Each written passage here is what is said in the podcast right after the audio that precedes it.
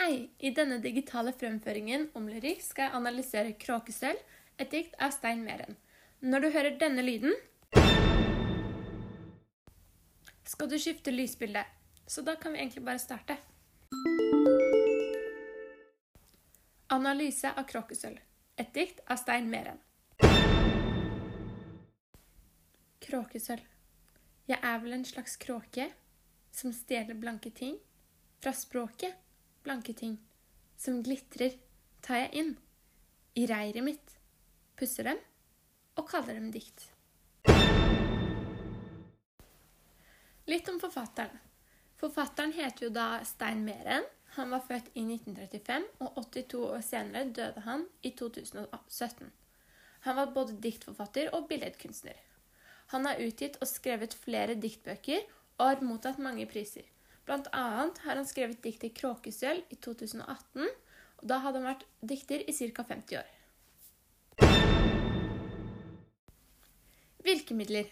Et av virkemidlene som er brukt, er da metaforer. Det kan du se på den første linjen, hvor det står 'Jeg er vel en slags kråke'. Dette er da ikke en sammenligning, i og med at det ikke står 'Jeg er vel som en slags kråke'. Men det står 'Jeg er vel en slags kråke'. Eh, linjen under kan du se 'stjeler'. Dette er en metafor fordi han ikke fysisk stjeler noe, som da er de blanke tingene.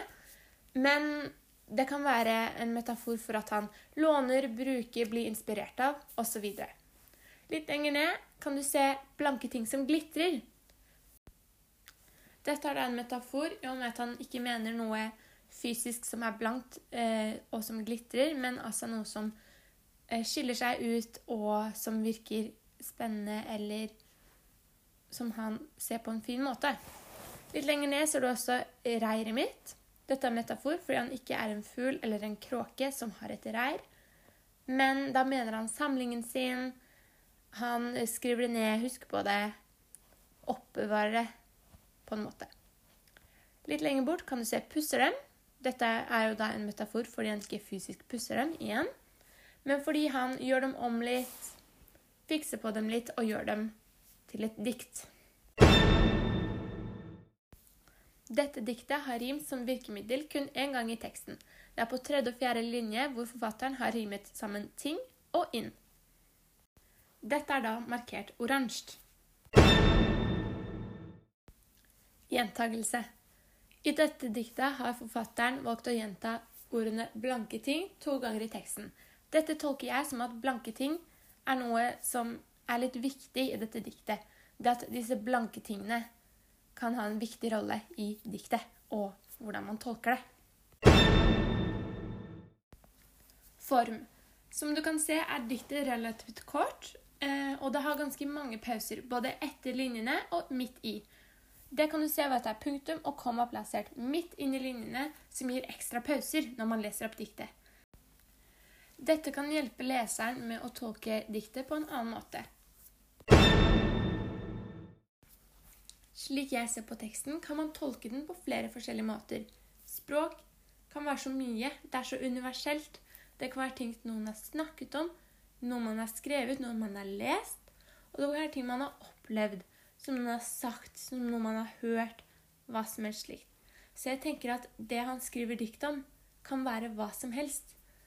Og at det handler ikke bare om hvordan han ser på dikt og hvordan han tar ord og gjør dem om til dikt, men hvordan istedenfor at man gjør det om til dikt Hvis man fjerner den nederste setningen, og istedenfor at man gjør det om til dikt, så kan man gjøre det om til erfaringer, slik at man kan lære av ting man har opplevd og sett. da. For når han snakker om disse blanke tingene, så tenker jeg at disse blanke tingene kan være noe fint. Det kan være noe som skiller seg ut, og ikke bare noen fine ord, men noen spesielle opplevelser som man har fått lært noe av. Tema og formål. Jeg tolker at tema er synsvinkler. Fordi disse, da disse blanke tingene kan være veldig mye forskjellig. Og som formål av teksten så tenker jeg at dette skal være uh, at han skal vise sin kjærlighet for dikt. For i hans tilfelle er dette da ord blanke ting, fine ord som man gjør om til dikt. Men for andre personer kan det være sin kjærlighet eller lærdom for andre ting. Kilden jeg har brukt, er dagbladet.no. Eh, dette er både bildeskilden og kilden til når han ble født og døde. Dette tenker jeg at var troverdige kilder om at det er en avis, og aviser er ment for å informere det norske folket. Dette er en norsk avis som er ganske troverdig. Tusen takk for meg. Jeg håper du hadde en fin lytter- og seeropplevelse under denne digitale fremføringen om lyrikk. Ha det bra!